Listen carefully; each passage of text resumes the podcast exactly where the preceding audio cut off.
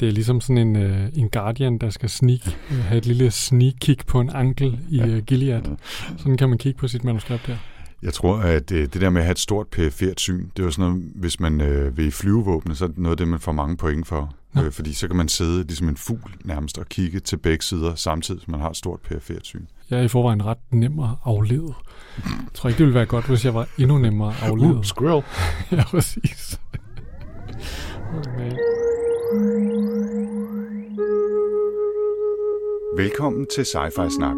Med science fiction. Og med snak. Med Jens Jarl Poder. Og Anders Høgh Nissen. Velkommen til.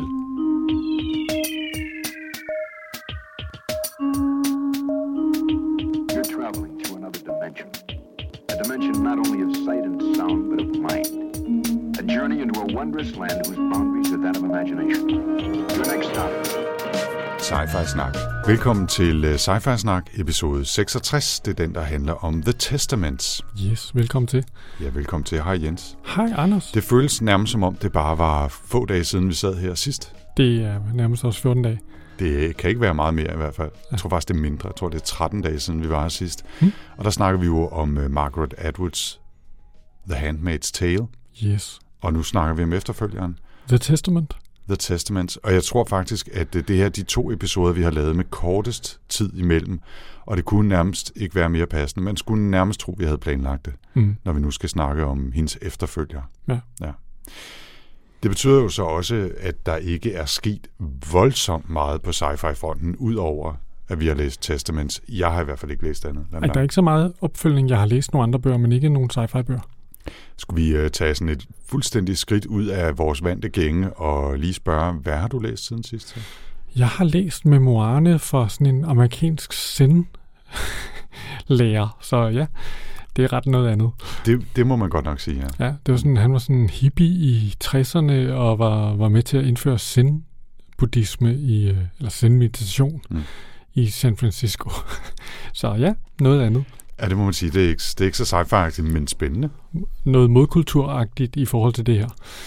Ja, det må man sige. Ja. Det er, altså, Jeg tror ikke, han havde holdt længe i Gilead.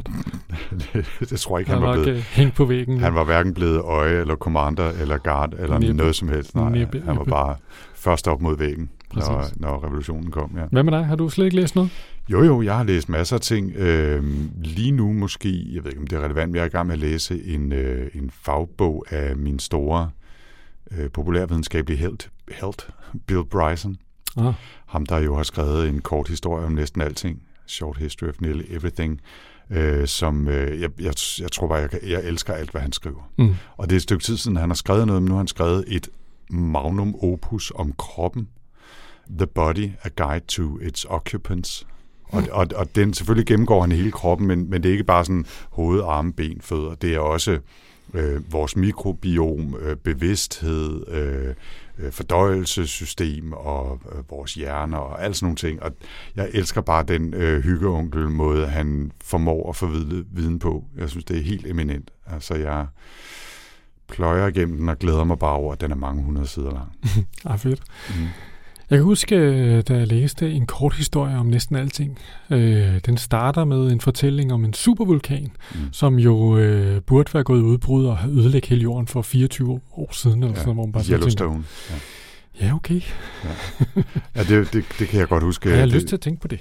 det er stort set halvdelen af Yellowstone National Park i USA, som er en stor øh, underjordisk supervulkan, som er gået i udbrud sådan noget hver 500.000 år.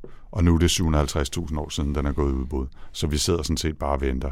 Og hvis den ryger, så kan vi godt kysse civilisation farvel. Altså, vi skal være heldige som art at overleve. Øh, så det er sådan noget, man kan hygge sig med. Så bliver jeg glad for, at jeg købte det strygestål, eller det der, hvad hedder det, øh, ildstål derhjemme. Øh, og, min nye, Og din, øh, din gule... og din, min gule jakke, og min outdoor-økse. Jens, du skal bare huske, at vi er gode venner, når det kommer dertil. Det ikke? Så, rigtigt. så, så, så er det dig, der sidder nede ved søerne og laver ild. Ja, okay. Nå, øhm, der er jo heller ikke sket voldsomt meget af reaktioner, men jeg vil dog øh, sige, at øh, til vores Handmaids-episode på sci-fi-snak.dk, der har Henning, øh, som sædvanligt skrevet, vi, var, jo- vi gav jo et lille shout-out til ham sidst, det skriver han og siger pænt tak for, og siger øvrigt pæne ting om, øh, om vores afsnit også. Så tak for det, Henning. Ja, så var der lidt den her, vi snakker jo lidt om, øh, det, det nævnte vi også sidste gang, det her med, at, at Wood snakker om, at hun skriver speculative fiction. Og ja, og der tænker jeg, det var måske lige værd at nævne, at det har hun sådan trukket lidt tilbage på det standpunkt. Altså, Mm. ja, det, det er ikke sådan, at hun sådan ligesom øh, korser sig, når man nævner hende i, øh, i flæng med, med sci-fi mere. Mm. Men det var sådan et standpunkt, hun havde tidligere.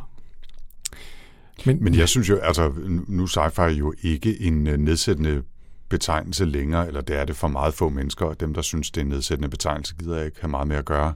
Men jeg synes egentlig, speculative fiction er en god betegnelse. Ja, ja. Altså fordi, der er jo, jeg vil jo betragte Handmaid's Tale og Testament som science fiction i en eller anden grad, men der er delt ikke meget science i. Nej, og det er rigtigt. Altså sådan old history er jo altid sådan en, øh, en genre, vi sådan lidt... Det er ligesom sådan en dele, der lige skal trykkes ind i, ind i genren, ikke? Den, den hænger lidt udenfor hele tiden, ikke? Ja. Ja. Ja, det er rigtigt, men, men jo stadigvæk interessant, Bestemt, synes jeg. Og, og, og, og også noget, som vi tager med ind på en eller anden måde. I Vi har ikke læst så meget old history, har vi? Nej. Vi læste uh, Mary Robinette Kowal, uh, den der Lady Astronaut of ja, den, Mars. den, Mars. synes jeg, den synes jeg, den er lidt Den- old history. Den er old history. Og så kan jeg faktisk 100%. ikke huske, om vi læste Man in High Castle. Gjorde vi det? Nej, det har vi ikke. Men Det det, er jo en af de helt store inden for, Ja. om man så må sige, genren. Ja. Subgenren. Og så ved jeg ikke, om man kunne, ja, man kunne hævde, at der er noget af recursion, der er lidt old history, men øh, ja, ja, ikke rigtigt, vel? Nå, men Yes. øh, Testaments, det var mig, der valgte den, øh, og det øh, gjorde jeg jo i samme øjeblik, du fortalte mig, at vi skulle læse The Handmaid's Tale sidste gang. Ja, jeg troede du ikke lidt, at det var den, jeg valgte i virkeligheden? Jo, det, det troede jeg faktisk, og så tænkte jeg, nå, pokker stå i vi skal læse den. Jeg vil læse den alligevel, så, øh, så kan vi så godt læse den hertil. Og øh, jamen, kort fortalt, så er det jo en bog, som tager tråden op sådan cirka 15-16 år efter, at øh, Handmaid's Tale slutter. Og øh, apropos slutninger, så tænker jeg lidt på, at altså, hvis man ikke har læst Handmaid's Tale før eller efter vi talte om den i sci snak sidst, så er der jo altså en overhængende fare for, at vi kommer til at spoile et eller andet her, for så vidt som at Testaments er en efterfølger, der foregår i tiden. Ja, som sagt 15-16 år efter Handmaid, så jeg vil ikke udelukke, at jeg kunne komme til at referere til noget af det, der sker hen imod slutningen af Handmaids. Nej, og også, øh, også tv-serien. Mm. Øh, den bygger jo også øh, faktisk, øh, det, er jo, det, er jo, det er jo sådan, at den bygger fint sammen med de øh, ting, der sker i tv-serien også, og, øh, og hændelser fra tv-serien øh, blev sådan set samlet lidt op i den her bog, Ja. så vidt jeg kan forstå.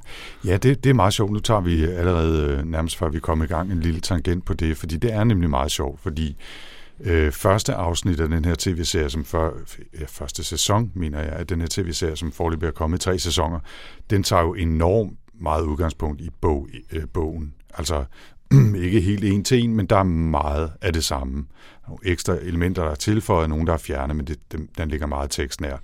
Sæson 2 og 3, der har øh, seriens forfattere på HBO har skrevet ud af deres egen idé om, hvordan den her historie kunne udvikle sig, men har løbende haft sådan konsultationer med Margaret Atwood, som jeg tror, hun beskrev det på et tidspunkt, som at hun har ikke nogen magt, men hun har indflydelse på, hvordan den udviklede sig. Og der var nogle personer, blandt andet Aunt Lydia, som jo er en af hovedpersonerne i Testaments, øh, den her frygtelige øh, øh, fangevogter, torturdame, der, der styrer alle de her øh, handmaids, hun måtte ikke slås ihjel. Og øh, det er jo så sikkert også, fordi hun har gået og kogt lidt på, og hun gerne vil skrive en øh, efterfølger, hvor Aunt Lydia skulle være med. Ja, fordi man kan sige, at øh, hvor Handmaid's Tale var, hvad hedder det, øh, var jo historien om øh, offeret, øh, det her offer, øh, som handlede i virkeligheden historien om, hvordan vi alle sammen kunne få frataget vores frihed og blive ofre for sådan en, øh, et diktatur. Altså det er jo i virkeligheden det, det, der ligesom er historien der. Så, øh, så, hvad hedder det, så får vi nogle andre perspektiver på Gilead i den her bog.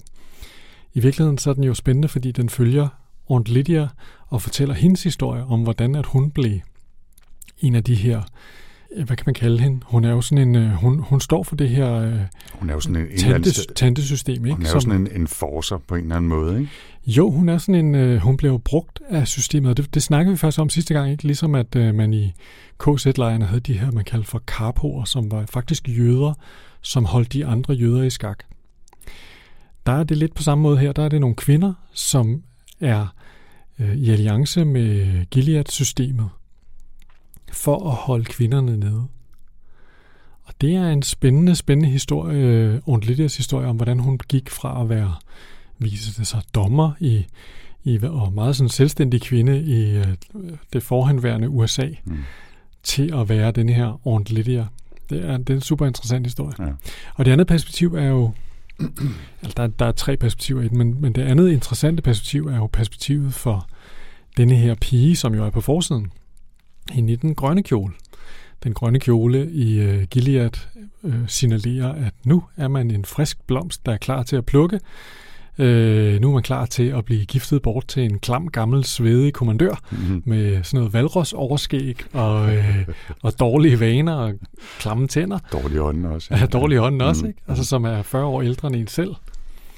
Og det er jo så det andet perspektiv, vi har her. Uh, vores uh, ja, i anden af tredje hoved, hovedperson, ja. Agnes, som jo viser sig at være Offreds første datter, som vi som vi jo kender fra serien og også, øh, også fra bogen. Ikke? Den her datter, hun tænker på, som hun har mistet i et forsøg på at flygte til Canada. Ja. Og nu nævner du, at der er øh, tre perspektiver i Testaments. Vi følger tre fortællinger, som jo i en eller anden grad blander sig sammen. Øh, og den første bliver, er, er, altså, går det meget hurtigt op for os, at det er Tante Lydia, som, øh, som skriver et, øh, et i øvrigt hemmeligt øh, dokument, som hun gemmer sådan en udskæring i en anden bog inde i en hemmelig afdeling af biblioteket, hvor kun øh, overtanter må komme, ikke? Mm. Øh, som hun ligesom skriver til eftertiden. Øh, det kan vi vende tilbage til. Så er der Agnes her, som er øh, offrets øh, datter, som, som lever som øh, i, i, hvad hedder det, i, ja, det, i Gilead, og er blevet jo... Ja, hun, er, hun er blevet taget fra, fra offeret og givet til en anden familie. Det ja, var ja, det, der præcis, skete. Det ved vi jo. Ja, ja, præcis. Så hun er vokset op, øh, som, som om hun var en, en datter af Gilead, ikke? og det er hun jo så også i virkeligheden. Ikke? Ja. Øhm, hun bliver i starten bare beskrevet som øh, pigen bag vidnesudsagn 369-A. Øhm, og så følger vi også vidneudsagn 369b, og det er en, øh, en ung pige, en yngre pige, som bor i Kanada, som jo stadigvæk er frit, som ligger nord for, for Gilead, som har en, en, en eller anden form for sådan low-level konflikt øh, kørende med Gilead, ikke?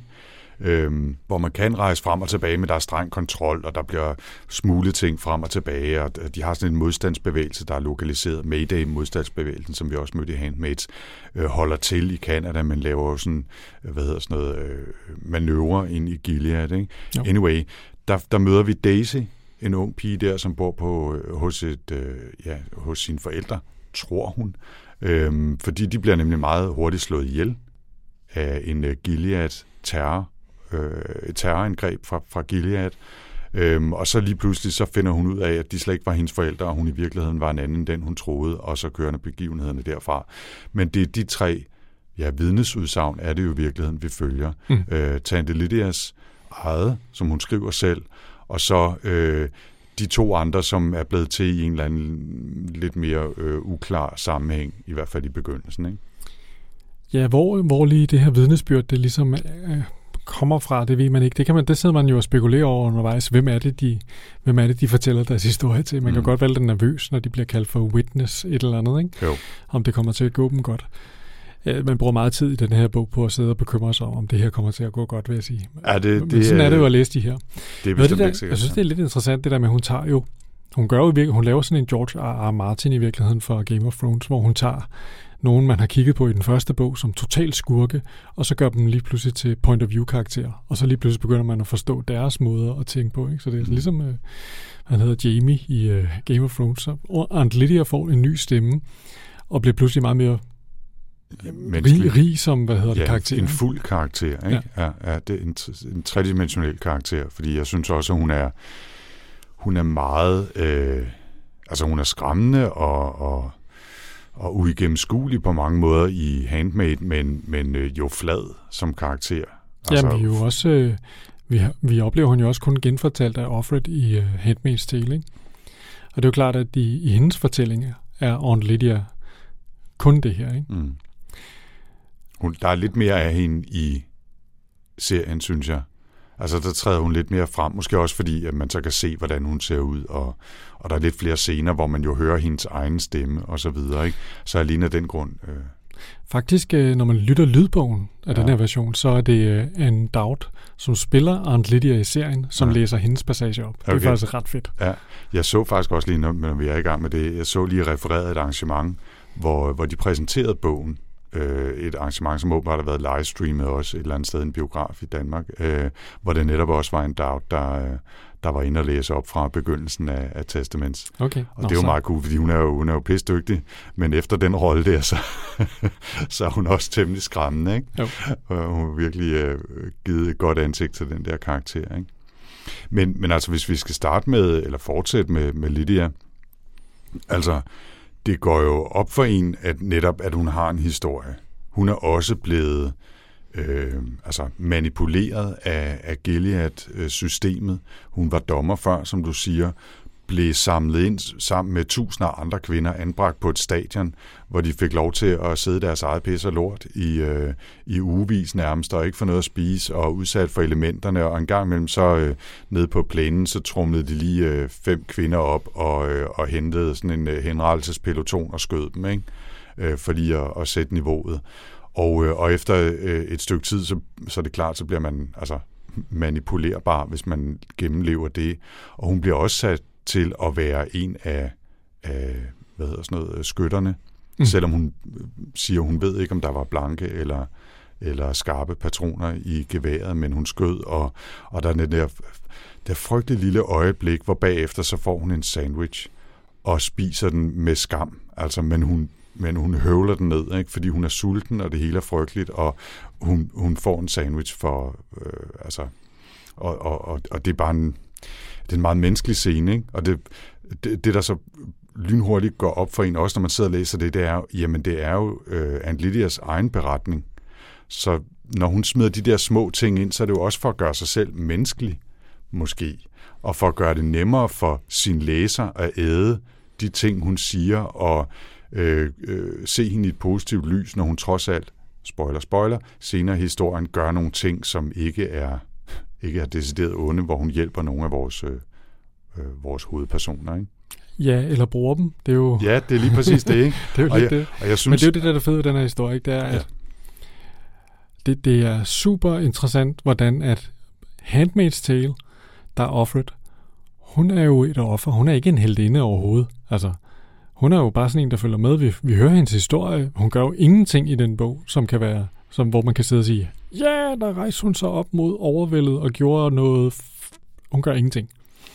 Og hele den bog handler om, at man kan sidde og tænke, hvordan vil jeg reagere i den situation? Altså, øh, i noget tilsvarende, hvor at jeg ligesom fik fjernet alt, hvad jeg havde, og, og bare blev indrulleret. Mm. Og på samme måde, nu, nu får vi lov til at tænke, Nå, men hvad så, hvis du bliver sat i den her situation? En ting er, at du måske ville være en duk nakken og, og tage, hvad der kom, men hvad hvis du bliver tvunget ud i den her situation, som Aunt Lydia bliver tvunget ud i? Ja, det er jo i virkeligheden altså en kæmpe stor øh, fiktionsudgave af det her Prison Experiment, ikke? Ja, ja. Øhm, som øh, altså, de fleste kender det sikkert med, hvornår det er fra slut 60'erne eller sådan noget. Hvor de sidder og giver strøm til folk. Hvor, hvor, ja, det er det ene af dem, men også det, hvor de, øh, hvor de laver et falsk fængsel, og så tager de øh, øh, 50 unge mænd, og halvdelen af dem bliver fanger, og den anden halvdel bliver fangevogtere og de er udvalgt fuldstændig tilfældigt, og der går lige præcis 24 timer, før nogle af de der fangevogtere begynder at torturere nogle af fangerne, hvis de ikke gør, som de skal, eller bare hvis de ikke synes, at, at de var hurtige nok til at gå hen i deres celle igen, og sådan et eller andet. Og det viser bare, hvor hurtigt fuldstændig almindelige, veltilpassede mennesker kan blive bødler mm. under de rette eller de forkerte omstændigheder. Ikke? Og i virkeligheden er både Handmaids og Testament jo en, en udforskning af nogle af de samme dynamikker. Ikke? Ja, ja, og den er jo bygget. Hun siger det også selv, at Lydia i sin genfortælling siger hun jo, at der var simpelthen ikke noget i, denne her, i det her kub, som ikke var set tusind gange før. Mm. Altså, de tager jo, samler folk sammen, tager dem ind på et stadion. Altså, det er jo set tusind gange før. Det er jo Chile om igen, ikke? Ja. Øhm, Ja, og tørster dem, lad dem sidde i deres eget øh, lort. Mm. Øh, de får ikke lov til at vaske sig. Øh, de fortæller dem ikke, hvad der skal ske. De får ikke lov til at snakke med hinanden. Og en gang imellem, så, så er en eller anden sådan, mere eller mindre formålsløs voldsdemonstration. Ikke? Mm. Og så hiver man nogen ud og giver dem en lille smule. Lad dem sove lidt, eller lad dem få noget at spise, eller siger noget pænt til dem, eller lad dem vaske sig, ikke? og så har man den pludselig på sin side. Og så kan man, som du også sagde før, så kan man så bruge kvinder til at undertrykke andre kvinder, ikke? Ja. Øh, fordi, øh, øh, hvordan er det nu, ven er ven værst, ikke? Øh, Det er jo meget sjovt, fordi vi snakker om det i Handmaid's Tale, og i den her bog, der har ham her den afskyelige kommandør bag det, hele, Commander Judd. Mm. En af de her Sons of Jacob, som jo virkelig er sådan en, han er jo baron Harkonnen ond, altså han er virkelig slem, ikke? aha. Har øh, en øh, trang til helt unge kvinder, som han så, når de, han har haft dem et par år, så, så slår for han dem. så, så dør de tilfældigt. Så, ja, så, så Mm. mm. kommer de af, af veje på, Mm. på frygtelige måder. Altså, han er jo ham, der ligesom er masterminden bag den her del af det, ikke? Og han det er også ham, der ligesom er den overordnede kommandør for de her The Eyes. Han er jo altså en af, afskyelig karakter, og han er, han er ligesom denne her person, som Aunt Lydia spiller sit altså sit magtspil op imod, ikke? Og, øh, og prøver at få fundet ud af, hvordan kan hun overhovedet overleve i det her, og hvordan kan hun ska- skaffe sig en placering i det her samfund, som gør, at hun ikke bare er under helen hele tiden. Ja, og, og Commander Judd, han, han er jo begyndt at, at stole på hende i et omfang, hvor hun får mulighed for at manipulere ham på forskellige måder. Ikke? Og hun samler jo, øh, altså hun har jo opfyldt sin rolle. Hun har jo været et frygteligt menneske. Ikke? Hun har jo trænet og mishandlet og tortureret, altså dusinvis, hvis ikke hundredvis af, af unge kvinder i, igennem det her system, været med til at slå mennesker ihjel i de her frygtelige, øh, hvad de kalder dem, øh, øh, de der henrettelser, hvor de bare sender 100 handmaids ind og flå mennesker i stykker, som har voldtaget nogen eller et eller andet. Øh, det Eller i hvert fald, det er der nogen, der har sagt, de har. Ja, ja, ja lige præcis. Ikke? Men nå, det, det kommer i tanke om lige om lidt, hvad det hedder. Ikke? Men hun har, altså, hun har virkelig begået meget lort. Ikke? Men samtidig har hun jo hele tiden gået og samlet information og sat sig selv i en position, netop hvor Commander Judd og nogle af de andre stoler på hende, giver hende mere og mere magt. Ikke nødvendigvis bevidst, men sådan gradvist, fordi de er sikre på, at de har styr på hende. De har snor i den her hund, som de har, øh, som de har tæmmet. Men det er bare ikke helt sikkert, at de har det. Hun går og, og venter på, på sin tid. Ikke? Ja. Every dog has its day, er det ikke sådan, man siger? Øhm, og, og hun går og venter på sin. Ikke? Og det, der er interessant i den her, det er jo, at i, i Handmaid's Tale bliver der jo åbenbart for en af de her kommandører, de er nogle fucking hyggelere, ikke? Mm-hmm. Da, da, da Offred kommer en tur med til byen øh, på den her klamme klub. Jezebels. Ja. Ja, Jezebels. Øhm, men altså i den her bog, der går det jo op for en, hvor helt igennem, altså det er en færdig så tynd, den der øh, hellighed, der ligger, øh, altså det her, det her religiøsitet, det er kun en design feature. Det er simpelthen kun et design, de har lavet for simpelthen bare at have en eller anden form for undskyldning for at indf- Mm. indføre det her. Der er jo ingen form for integritet i forhold til de der værdier, som de render rundt og hævder, vel? Ikke hos kommandøren i hvert fald. Jeg tænker, den der, hvad hedder den, Ardua Hall, øh, hvor, hvor øh, tanteskolen der, ikke? Mm. Øhm, jeg har på fornemmelsen af, af, af mange, hvis ikke alle, de der øh, tanter eller søstre, hvad de hedder, Pearl, øh, De der Pearl Girls. Pearl Girls, ja, øh, som bliver udsendt til, til Canada for at, at missionere. Ikke?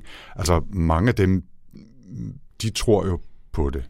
Et ja, eller andet altså sted, den ikke? generation, der vokser op, for De- eksempel vores Agnes her, Ja. de køber jo ind på det her i vid De udstrækning. har aldrig kendt andet.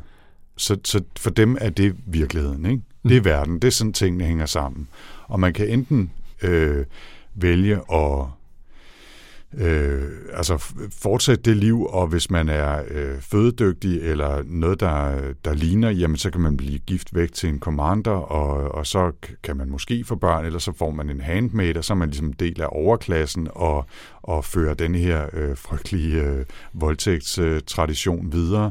Eller også som, jamen så bliver man måske en, øh, en Martha, og, og går til øh, i, i køkkenet, eller med at gøre rent, eller et eller andet. Og så endelig så har man muligheden for at blive Øh, Pearl Girl, eller måske en tante, og, og tage på nonneskole, hvad det i virkeligheden er. Ikke? Øh, og, og ret mange andre muligheder har man jo ikke, hvis man ikke vil sendes øh, øh, et eller andet sted hen og rense op efter et atomangreb, eller et øh, bio, bioangreb, eller hvad det er. Ikke? Altså, der er ikke så mange muligheder mere, men det er det samfund, de er vokset op i. Altså, de køber den jo ligesom, og hun, hun priser sig jo nærmest bare lykkelig nogle gange, for at hun ikke er en Martha eller en anden, indtil det går op for hende med, med al tydelig redsel, at hun altså øh, er planlagt til at skulle giftes væk til, øh, til den her frygtelige, øh, øh valrosagtige, øh, halitosis befængte øh, gamle mand, ikke? Jo. Altså, jeg, jeg synes, de primære to interessante historier, det er nok Aunt Lydias og Agnes historie.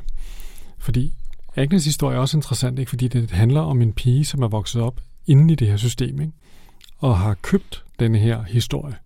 Det er jo det eneste, hun har kendt. Ikke? Så hun, hendes forskning om, hvordan mænd er, for eksempel. Ikke?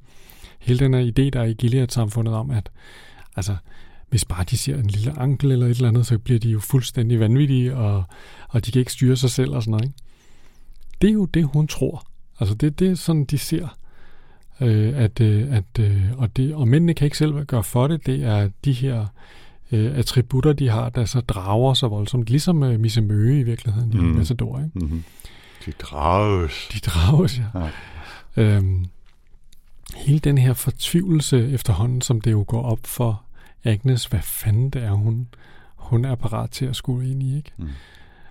Øh, og hvor koldt det her samfund dog, for, altså det er så frygteligt koldt, ikke? Ja. Hun har boet der med sin mor og sin, eller den hun troede var sin mor, og den her kommandør Kyle, som bare er, altså, øh, en af de her kom- iskolde kommandører, ikke? Ja, den gamle klam, endnu en gammel klam mand. Ja. Mm. Og øh, da, da, hvad hedder det, Agnes' mor dør, hvordan hun bare er, nå, så kan vi ikke bruge dig til noget mere agtigt, så skal du videre, nu skal du giftes væk, og bum bum, det kan ikke gå hurtigt nok, og ja. men du er helt klar. Altså, det er virkelig... Ja, det er benhårdt, ikke? Det er simpelthen så kynisk ja. og koldt, ikke? Ja.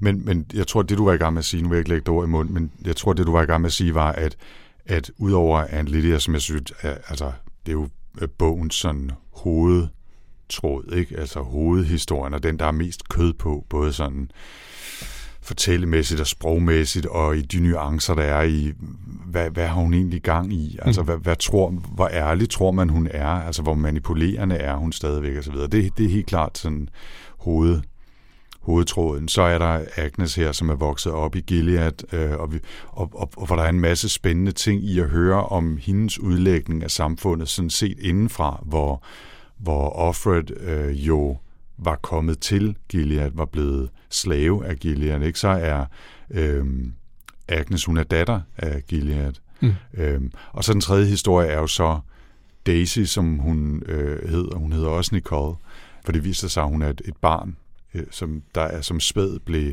smuglet med til Canada og er vokset op. Dengang hed hun Baby Nicole. Hun har hele, tiden, øh, hele sit liv troet, hun hed Daisy. Og de mennesker, som hun troede var hendes forældre, var ikke hendes forældre. Men der følger vi så hendes historie, hvor hun, som jeg tror, jeg fik sagt før, øh, øh, opdager, at hun bliver øh, indoptaget i, i Mayday-modstandsbevægelsen for at vide hele sin baghistorie, og, og, og skal så tilbage til Gilead, ligesom som sådan en, øh, hvad hedder sådan noget, øh, øh, spionmission i virkeligheden, ikke? Øh, plantes i Gilead igen. Infiltrator. Infiltrator, tak, det var det ord, jeg ledte efter. Og hun er, jamen, hun er jo yngre end, øh, end Agnes, og for så vidt så skriver Margaret Atwood jo, det er fantastisk, fordi hun virker yngre. Altså, hun er meget mindre nuanceret. Øh, hun er meget mere altså sådan øh, tidlig teenager-agtig. Øh, hun har sådan lidt en girl crush på, på en af de andre i, i modstandsbevægelsen, som skal lære hende at slås. Og, og øh, altså, hun, jamen, hun er meget mere en pige. Altså, hvor, hvor Agnes er en ung kvinde øh, med, med de tanker og, og den større bevidsthed, der, der følger med der. Ikke? Så jeg synes, jeg synes, det er den mindst interessante af historierne, men det, de fungerer godt i sammenhæng. Ikke? Og, og, og jeg, synes, jeg synes som sagt, at det er pissegodt skrevet, ikke? fordi hun formår virkelig, synes jeg, at ramme tre forskellige toner i de tre forskellige historier.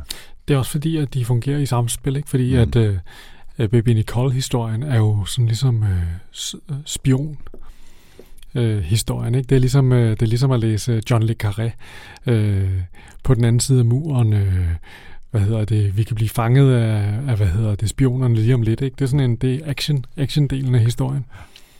Og, og så fungerer den i samspil med de her to andre historier, som er som jo Agnes historien, som er en meget lille historie, og hvad hedder det, ordentligt historien, som jo i virkeligheden er hele historien om, hvad Gilead overhovedet er for noget, og hvordan det hele hang sammen og hvad det her oven, øh, tantesystem overhovedet går ud på. Ja.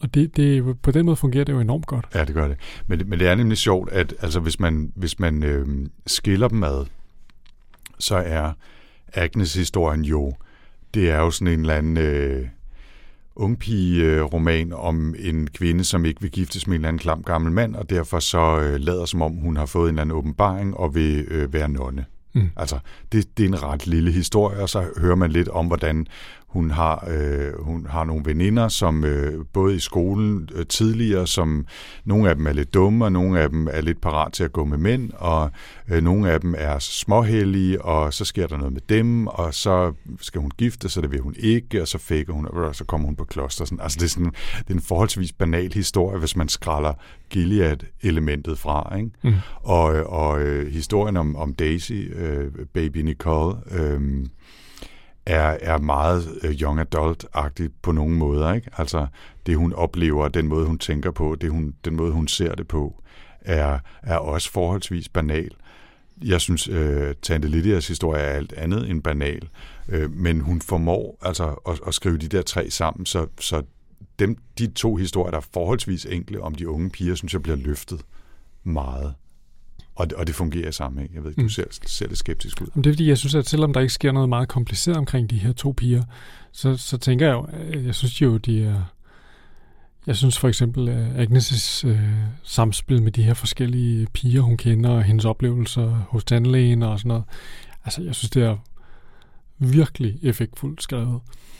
Ja, ja, ja, bestemt. Øh, men, men det var mere, at jeg synes, øh, de, de er mere lige til, altså sådan psykologisk mere lige til, end det, der foregår hos Aunt Lydia.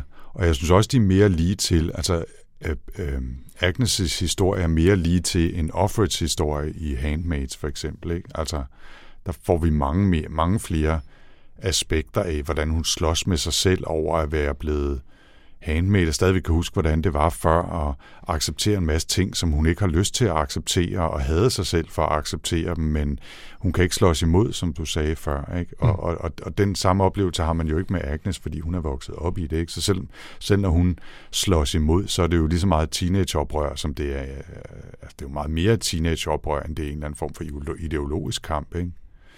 Øhm, det bliver det jo først i en eller anden grad senere, hvis, hvis overhovedet. Ikke? Mm. Så altså, det er bestemt ikke, fordi jeg ikke synes, at de er interessante eller velfortalte. Og der er jo en, altså, der er en masse psykologi skrevet ind i de her historier, som, som jeg synes løfter det over bare sådan en, øh, øh, en af mine hadeting øh, for tiden er jo de der, og så skete der det, og så skete der det, og så skete der det, øh, lidt banale historier, ikke? Hvor, hvor der er alt for meget fokus på action. Der er bestemt ikke særlig meget fokus på action her, vel? Nej. Altså i, i få afgrænsede øjeblikke, og selv det er det nærmest sådan ting, der sker, hvor det er personernes oplevelse af det, der er vigtigt, vigtigt og ikke det, at det skete. Altså, baby Nicole, hun lærer jo at lave sådan et uh, one-inch punch. Ja, Og gudskelov, at hun lærte det. ja det må man sige, Det det, er helt, ikke? Men jeg synes, øh, ja, nu, ja jeg, jeg har fuldstændig mistet tråden i mine noter, vi har bare ævlet derudad. Øhm, der er jo heller ikke så mange andre karakter, det rigtigt er væsentligt at, at snakke om her. Altså, vi har nævnt uh, Commander Judd, uh, vi har nævnt Agnes' uh, far, Commander Kyle, far i, i gåseøjne, og, og hendes to mødre i gåseøjne. Ikke? Så er der et par af de andre tanter, som vi også møder. Nogle af dem er sådan øh, mere heldige end andre folks børn, ikke? Og, og nogle er, er sådan nogle øh, lidt fup, fuptanter, ikke? Som, som prøver at udnytte systemet, ikke? Og ja, så har vi øh, nogle Mayday øh, ikke? Der er den her total badass, der hedder Ada, Ada. Ja, Ja. Som, øh, som er sådan lidt øh, punk, punk-agtig øh, modstandsrocker. ikke? storsøster. Ja, som, Ja. Er, som er meget cool, ikke? Øh, men ellers, men altså, det er jo et sidegalleri. Det er ja. ja. de her tre øh, piger og kvinders historie, der er, der er central, ikke? Det er vel også bare det der med at sige, altså det her det er jo en interessant bog, fordi den er, jeg tror jeg læste på øh, Goodreads, nogle af, nogle af dem, der havde anmeldt den virkelig dårligt. Okay. De synes ikke, at der var brug for en bog mere. Den er fuldstændig overflødig bog. Nå. Øhm, og det kan man selvfølgelig godt hævde, at øh, hvorfor skal man læse denne her bog, når man nu har The Handmaid's Tale, hvorfor skal man så fortælle mere? Altså, på mange måder, The Handmaid's Tale har jo den perfekte slutning. Offred går ind bag en sort bil og forsvinder.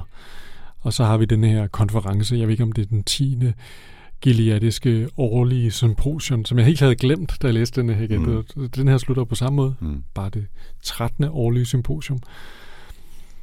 Men i virkeligheden synes jeg, altså hvis man læser, hvis man læser den for, og tænker over, hvad den egentlig er, så synes jeg faktisk, den, altså det Atwood gør her, det er jo at fortælle endnu en vigtig historie om tyranni. Nu handler det ikke om offeret mere, nu handler det om, hvordan bliver bødlerne til, ikke? Øh, I det omfang, at man kan kalde Aunt Lydia for en bødel. Mm. Hun er jo sådan en mærkelig grå skala karakter, og det er faktisk ikke helt til. Det fede ved det her bøger er jo også, de der eh, slutninger, det de i virkeligheden gør, det er, at de siger jo, ja, vi sådan nogle historikere, og vi kigger tilbage her 100 år senere. Vi skal jo huske på, at vi ved ikke, hvor meget vi kan lægge vægt på dem her, der fortæller. De fortæller jo deres egen historie. Og øh, måske øh, gør de sig selv bedre, end de er. Måske, måske er det her i det hele taget bare pur opspind. Altså det der, man kan, hvis man bare læser historien, så giver den der slutning, den giver hele tiden sådan en, åh, jamen det er faktisk helt åbent. Altså det er ikke til at sætte i bås. Om, Mm. Man kan sidde og diskutere med sig selv, er Aunt Lydia ond eller ej? Margaret Atwood, og det har hun også sagt i interviews, hun er ikke, i hendes bøger, der findes der ikke noget diktatur. Der må man selv bestemme, hvad man synes om karaktererne. Hun Mm. vil ikke fortælle en det. Mm. Og det gør hun jo meget elegant med de her slutninger, ikke? hvor det er sådan lidt, de der piger, vi sidder og lytter på, deres fortællinger, kan man overhovedet stole på det? Øh, Det er ret fint. Synes du, at, øh, at det er okay, hun skrev den efterfølgende? Ja, Jeg synes, at den, øh, jeg synes jo, den lægger noget til. Det er jo, når man kommer tilbage til det samme univers en gang til, så er det jo ikke det samme som at læse det første gang. Men jeg vil sige, at at jeg synes, at øh, det hun bruger den her historie til, altså at fortælle især Lydias historie, det synes jeg er en ret interessant historie også at fortælle. Mm. Øh, Så derfor synes jeg, at den, den, øh, den bidrager med rigtig, rigtig meget. Mm. Jeg øh, har set sæson 2 af HBO-serien, og øh, der udvikler offret sig til at blive sådan en, en relativ kick-ass øh, modstandskvinde ikke? I, i Gilead. Og det nævner jeg, fordi jeg synes, at Atwoods take på at vende tilbage til det her univers og fortælle, hvad der så skete, er væsentligt mere interessant og væsentligt mindre lige til. Altså, Handmaid slutter jo sådan lidt usikkert med, hvad, hvad, hvad sker der egentlig med Offred? Øhm, men, men serien øh, fortsætter i den måske oplagte retning, at hun bliver øh, modstandskvinde på Mm. en eller anden måde, ikke? Og, og, og tager hånd om egen skæbne og, og slår tilbage og prøver at stikke af og kæmper imod og sådan noget, ikke? Mm. Og, og det, øh, det er jo interessant, og det er fint tv på mange måder. Jeg har ikke set sæson 3, så det ved jeg ikke, hvordan, hvordan den fortsætter, men, men det er måske også for oplagt, ikke? hvor jeg synes netop, at, at taget på i øvrigt efter, hvad, nogle 30 år, og vende tilbage til universet, og så skrive, som du siger, ikke offrets historie, men bødlens historie, fandme anden gang, ikke? det synes jeg er altså for mig 100% retfærdiggør, hvis det skal retfærdiggøres, at hun skriver den her efterfølger. Ikke? Mm. Og jeg ved ikke, hvor længe hun har gået og kogt på den her historie, altså om det er noget, der har boblet, eller det, hun har fået ideen senere til, at hun gerne vil følge op på den, men, men at vente 30 år er jo, altså hvis man har nerver til det, et, øh, et genialt træk, ikke? Fordi så mange øh, bøger, som, som skriver i det samme univers på historier, der i højere grad følger efter hinanden, de skriver dem jo sådan fortløbende. Og så, så er der ikke nogen altså, der, der, der er altså det er svært at forestille sig nogen sådan større personlig udvikling hos forfatteren, eller at de har haft tid til at tænke en hel masse over, nu skal de også lægge en anden vinkel på, og, og historien har ikke haft tid til at leve ude i altså, han har sagt, vores virkelighed med feedback og input, og verden omkring har ikke noget at udvikle sig, så det er sådan skrevet i højere grad fra det samme sted end Handmaids og Testaments, der kommer med 30 års mellemrum. Ikke? Og det synes jeg, jeg altså, det er også med til at, at være den baggrund, bogen bliver skrevet på. Ikke? Men jeg, jeg synes, det er, jeg har intet problem med, at hun gør det, og jeg synes, det er, det er rigtig godt vinklet øh, at, at tage den der Aunt Lydia-historie ind i det. Ikke? Og, og så alle de der lag af, hvad fanden sker der egentlig, der er over især hendes historie. Ikke? Og så til sidst, som du sagde, jamen så springer vi frem til, jeg tror det er over 2197, til den her konference, hvor de har fået gravet de her mærkelige tekster frem, som nogen havde fundet i en eller anden, øh, et eller andet kiste eller et skab et eller andet sted hos nogen.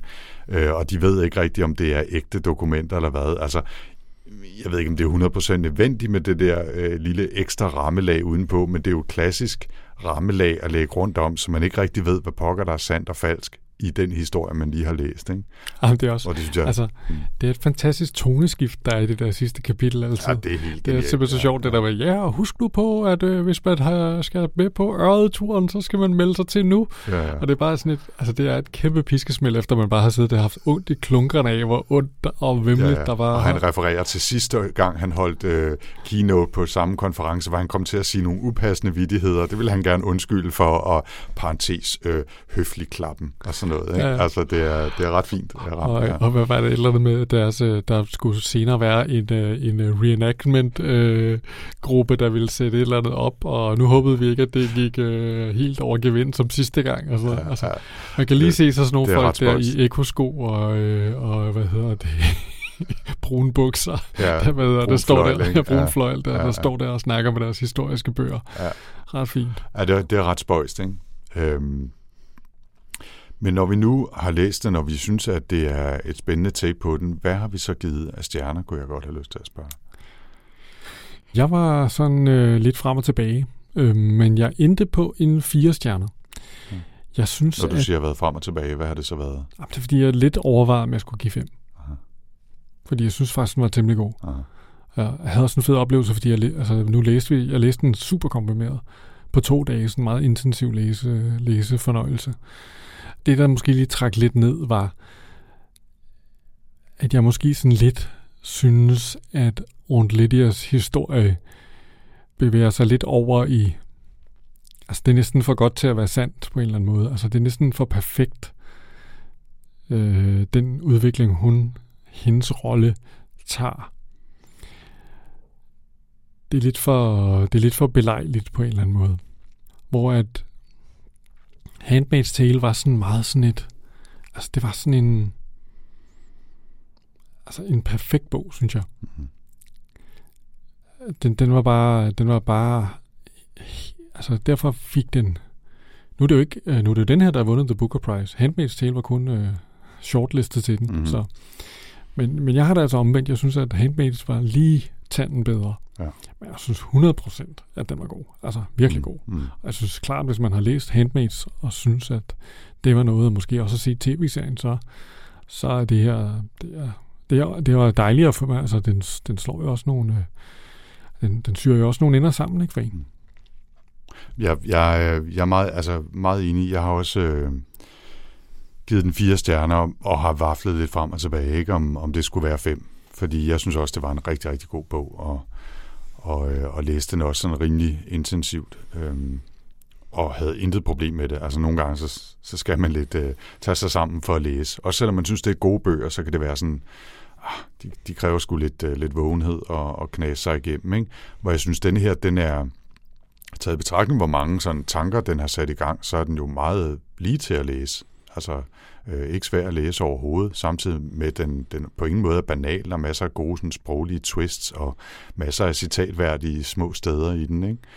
Øhm, når jeg ikke lige havnede på 5, så var det måske mere, fordi jeg synes, at Daisy, øh, baby Nicoles historie bliver lidt for jeg blev, skulle blive en lille smule træt af hende og skulle følge med i hendes øh, eventyr, øh, hvor jeg synes, de to andre historier var væsentligt bedre. Der, der følte jeg måske, at som du siger med Handmaid, den er jo bare, den er så tight, ikke? Altså, Det er Offreds historie, vi følger. Vi er, bliver smidt direkte ind i det her fuldstændig crazy øh, univers, som alligevel ligner en hel masse, vi kender.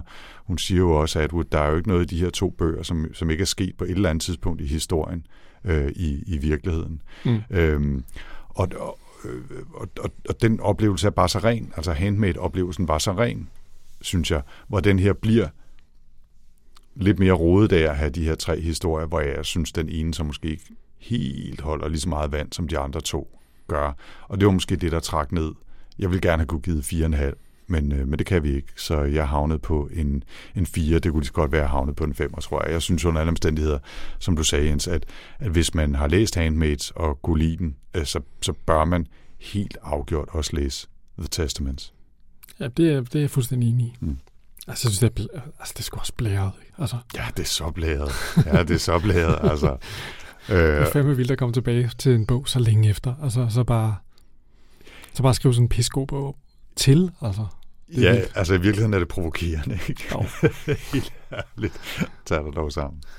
Ja, hun er sgu rimelig badass, det må man sige. Ja, det må man sige. Så, så stort, øh, stort shout-out til Margaret Atwood. Mhm. Øh, Maggie, som vi kalder hende. Maggie A. Ja. Jens, bruder, det er øh, dig, der så skal vælge, hvad vi skal læse til næste gang. Og det, jeg tror godt, jeg kan sige allerede nu, at det bliver ikke om 14 dage. Nej, Det, Nej. jeg tror, vi tager en måned igen, ikke? Til, det er nu er vi også til vi ses ligesom, næste jeg tror, vi har indhentet lidt noget af det for, for, forsømte. Ja, det tror jeg også, Måske på omgangshøjde igen, det var dejligt. ja. ja. Men hvad skal vi læse? Jamen, øh, nu snakker vi om badass kvinder. Mm, Ja. Øh, og dem er der heldigvis mange af. Mm-hmm. Men øh, helt deroppe på stjernehimlen, der har vi jo øh, en af de øh, kvindelige forfattere, som det ikke er så længe siden, hun døde. Ursula K. Le Guin. Mm. Og der er mange, der har opfordret til, øh, at vi skulle læse den her. Senest, øh, tror jeg, det var Henning, der, der foreslog det på, på kommentarsporet på Sci-Fi Snak, men der er flere andre inde på Goodreads-gruppen, der også har nævnt den her. Vi skal læse The Lathe of Heaven. Ja. Ja. Det var faktisk øh, den allerførste øh, Ursula K. Le Guin-bog, jeg læste, før jeg overhovedet anede, hvem hun var. Nå. Jeg fandt den øh, som papirbog nede i den lokale boghandel. Du ved, et af de her gamle tryk, hvor man selv skal opsprætte Siderne. sejt. øhm, Sådan var min uh, Stefano Beniterra. Ja, Himlens drejebænk hed, hed den på dansk, og jeg, jeg anede ikke, øh, hvad det var, eller hvem hun var. Jeg vidste bare, at det var noget sci-fi-snak, øh, sludder, det var noget sci-fi. Og, og det Allerede var, dengang. Ja, ja. Og, og det var dengang, det. jeg også læste Niels E. Nielsen hele tiden, og syntes, at det var enormt spændende, og så faldt jeg over den her øh, sådan lidt i, i en eller anden øh, udsalgsbunke hos den lokale bogbusher, ikke? Nå, og, og snuppede den, så jeg har, jeg har ikke læst den siden, jeg vil gætte på, hvornår har det været? 85? 86? Ej, Jeg ved ikke, hvornår den er frem. Det er der, jeg tror, jeg har læst den. Okay, jeg har aldrig læst den. Okay. Så øh, det, det er jeg ret spændt på. Ja, jeg glæder mig til at læse den igen. Jeg husker den som øh, fantastisk. Så. Jamen, øh, den er også øh, den er høj, højt prist inde på, øh, på Goodreads, så, Mm. så det glæder mig meget til. Jeg synes jo, det er jo, altså, det var helt tilbage i, hvad hedder det, nummer 13, at vi læste, øh, hvad hedder den, øh, Left Hand of Left Hand of Darkness, ikke? Mm. som jo var simpelthen så god. Ja, den er, ja, den er også, den er Læs også rigtig. med det samme. Nu bliver jeg simpelthen lige nødt til at søge her, så jeg ikke sidder og fortæller jer mærkelige historier, hvornår den er fra. Ja, den er helt tilbage fra 71, så det kan passe meget godt, at øh, den er lige så gammel som mig. Det er en god overgang. Det er en god årgang, 71. Øh, 4004-chippen, og så øh, Lathe of Heaven og mig. Det var, det var det, man fik i 1971. Ja, nå Mm. ja, vi snakker om det der med, hvad hedder det, ord, der var opfundet i det år, vi blev født. Nå, ja, det er rigtigt, ja. Ja. Harddisk blev opført i 1973, hvor jeg er fra. Nej, det er jo... Det er Så jo, skal du respondere med noget. Det er meget, jamen, altså, hvad, mm, åh, jeg kan sgu ikke huske, hvad var det? Øh, Nå ja, Dominatrix. Okay. Værsgo. Så kan jeg hvad hedder, respondere med Deep Throat. Okay, du vinder. Yes! og hvis øh, I ingen anelse har om, hvad vi snakker om, så var det, at øh, Jens og jeg for nylig faldt over et site, hvor, hvor der stod, hvilke nye ord, der dukkede op i, jeg kan ikke huske, var det Merriam-Webster, eller Ja, det det. øh, ordbogen øh, øh, i de forskellige år, så kunne man gå tilbage og se, hvad for nogle mærkelige ord, der dukkede op i, øh, i den, Mm. øh, det år, hvor man er født. Ikke? Og jeg havde alle de gode. Og du havde, ah, ikke alle de gode. Mange gode.